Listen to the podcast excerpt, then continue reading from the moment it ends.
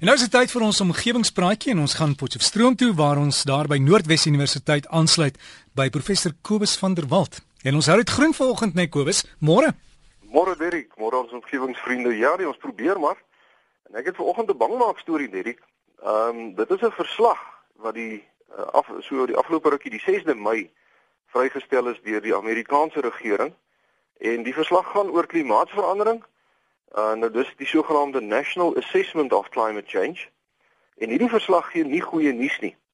Die oorhoofse gevolgtrekking is dat klimaatsverandering reeds 'n rol speel in ons lewens hier op aarde en spesifiek dan nou die mense in Amerika. En dat dit nie meer iets is wat eers in ons kinders of in ons kleinkinders se tyd gaan kop uitsteek nie, dit is reeds aan die gang. Nou die 800 bladsye verslag is saamgestel deur etlike honderde Amerikaanse wetenskaplikes En hulle bevindinge stem natuurlik ooreen met die onlangs vrygestelde verslag van die interregeringspaneel, die internasionale verslag oor klimaatsverandering.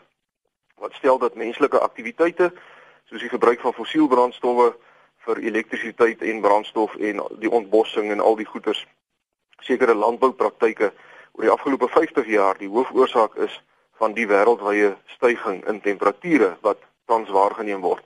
Nou die slotsom is dat teen die einde van die eeu temperature omtrent 6 grade Celsius warmer gaan wees as tans as daar nie onmiddellik drastiese stappe geneem word om die vrystelling van kweekhuisgasse te beperk nie.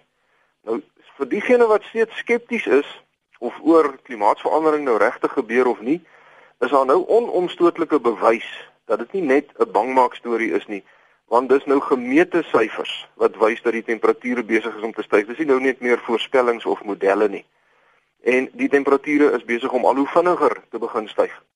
Nou in Alaska is die smeltende permafrost 'n reuse probleem omdat paaie en selfs aanloopbane op lughawens besig is om in die modderige grond nou weg te sak.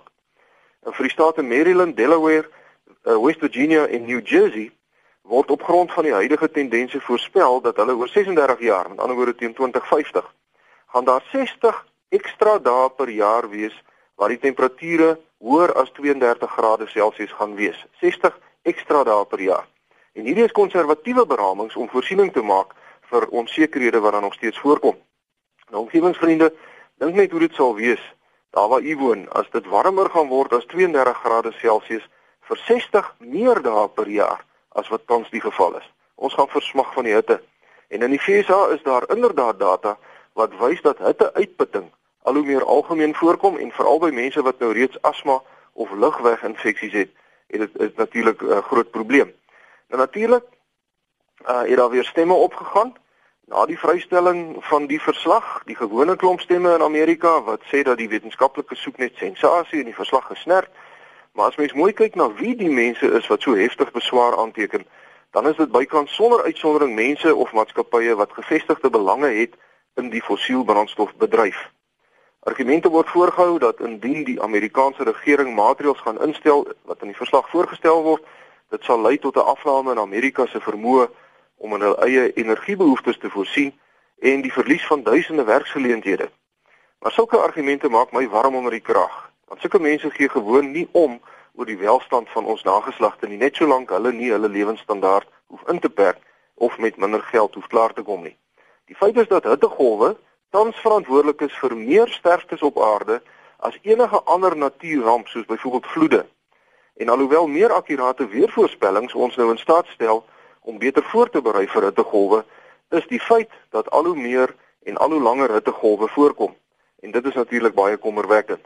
Die warmer toestande tas nie net mense aan nie, maar ook die seelewe. In die Stille Oseaan is daar byvoorbeeld 'n tipe seester wat so vinnig begin doodgaan het dat dit nou met uitsterwing bedreig word. En dit is empiries bewys dat hierdie seesterre aan 'n tipe hitte uitputting sterf omdat die see warmer word. 'n Verdere bydraende faktor is dat daar omtrent 30% um, van die koolstofdioksied wat nou in die atmosfeer is, deur seewater geabsorbeer word, wat die see se pH laat daal en dit beteken die see word meer suur en 1/3 van al die koraalriwe op aarde word reeds daardeur beïnvloed. Omgewingsvriende, meneer Dan Ribbins, een van my uh, gereelde uh, inskrywers, het my aandag gefestig op 'n ander berig wat op die 12de Mei deur die Jet Propulsion Laboratory in Pasadena, Kalifornië vrygestel is.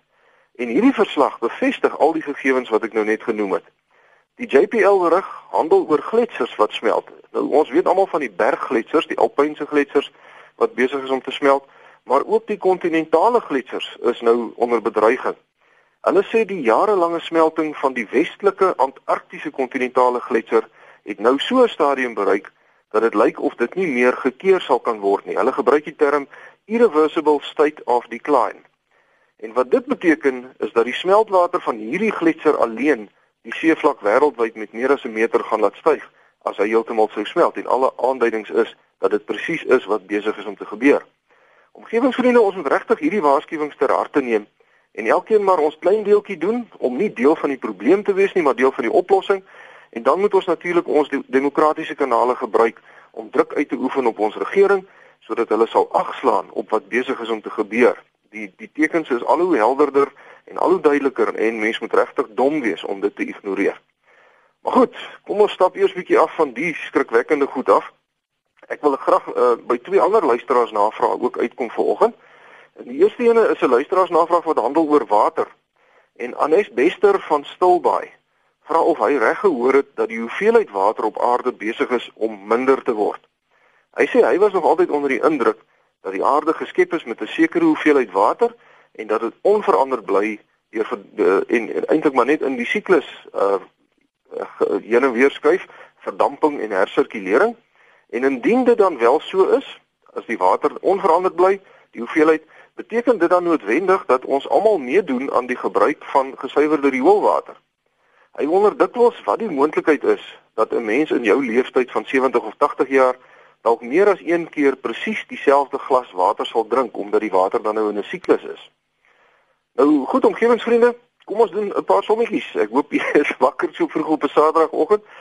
Uh eerstens daar is omtrent 1.4 maal 10 tot die mag 21 liter water op aarde en dit verander nie. Dit bly konstant. Dit is net op verskillende plekke in die watersiklus. So die eerste deel van die vraag is nou beantwoord. Nou gestel 'n mens word 100 jaar oud. Nou as jy van die 100 jaar wat jy lewe elke dag 8 glase water drink, dan beteken dit dat jy amper 70000 liter water in jou lewe sal drink en dan ook natuurlik weer sal uitskei.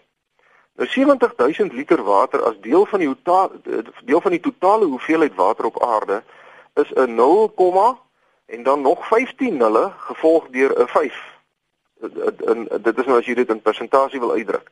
'n 0, met 15 nulle en dan 'n 5 agterna.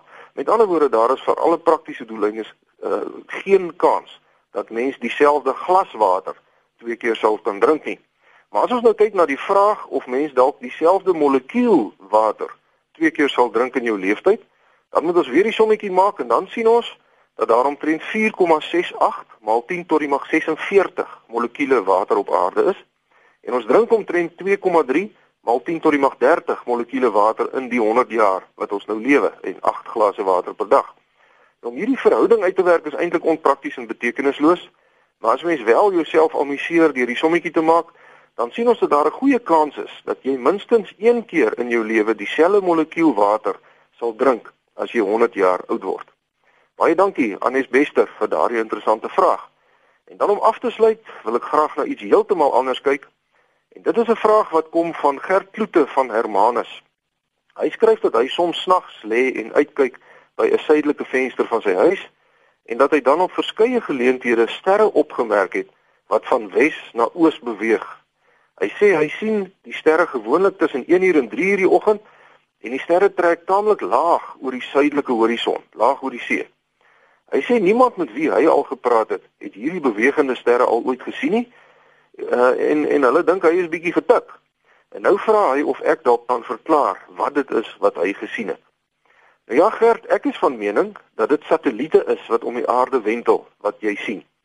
As hulle laag oor die suidelike horison trek, dan beteken dit dat hulle op 'n plek is waar die son op hulle skyn. En 'n mens sien dan die satelliete uh die die weerkaatsing van die son uh op die satelliete. 'n Mens kan eintlik die satelliete snags enige plek op plek op aarde maklik met die blote oog sien as mens vroeg aand vir 'n paar minute stil gaan sit en na die hemelruim kyk. Dit lyk kompleet soos 'n ster wat redelik vinnig deur die hemelruim trek en ek sit gereeld in die helder Karoo lig op my skoonpa se plaas in die Steensburg distrik in die aande buite en kyk na die satelliete. Hulle trek in enige rigting en 'n mens behoort binne enkele minute 'n hele paar van hulle raak te sien. 'n Mens sal hulle reg bokant jou sien verbytrek as dit vroeg aand is, maar in die laat nag sal mens slegs die sien wat laag oor die horison verbyvlieg sodat die son se lig um, van hulle af nou kan weerkaats. Omgewingsvriende gaan lê gerus vanaand net na die son gesak het plat op u rug op die gras as dit dan nie te koud is nie en kyk ook of u die satelliete kan raak sien wat kruis en dwars oor ons koppe trek. Na raming is daar tans omtrent 3000 satelliete of stukke ruimterommel wat in wentelbane om die aarde is. So u behoort heel maklik een van hierdie goed te kan raak sien as u net so 'n paar minute na die lug sit en kyk. Omgewingsvriende, daarmee sluit ek af vir oggend. Uh, u kan gerus vir my skryf. My rekenaaradres is kobus.vanderwalt@nwu.ac.za of ek is by die fakulteit Natuurwetenskappe Noordwes Universiteit, Potchefstroom 2520. Vriendelike groete tot 'n volgende keer. Tot 'n volgende keer aan Kobus van der Walt. Daai e-posadres as jy wil kontak maak is Kobus, Kobus met 'n K, dan 'n punt. Van der Walt skryf jy aan mekaar. So dis Kobus.vanderwalt by nwu.ac.za.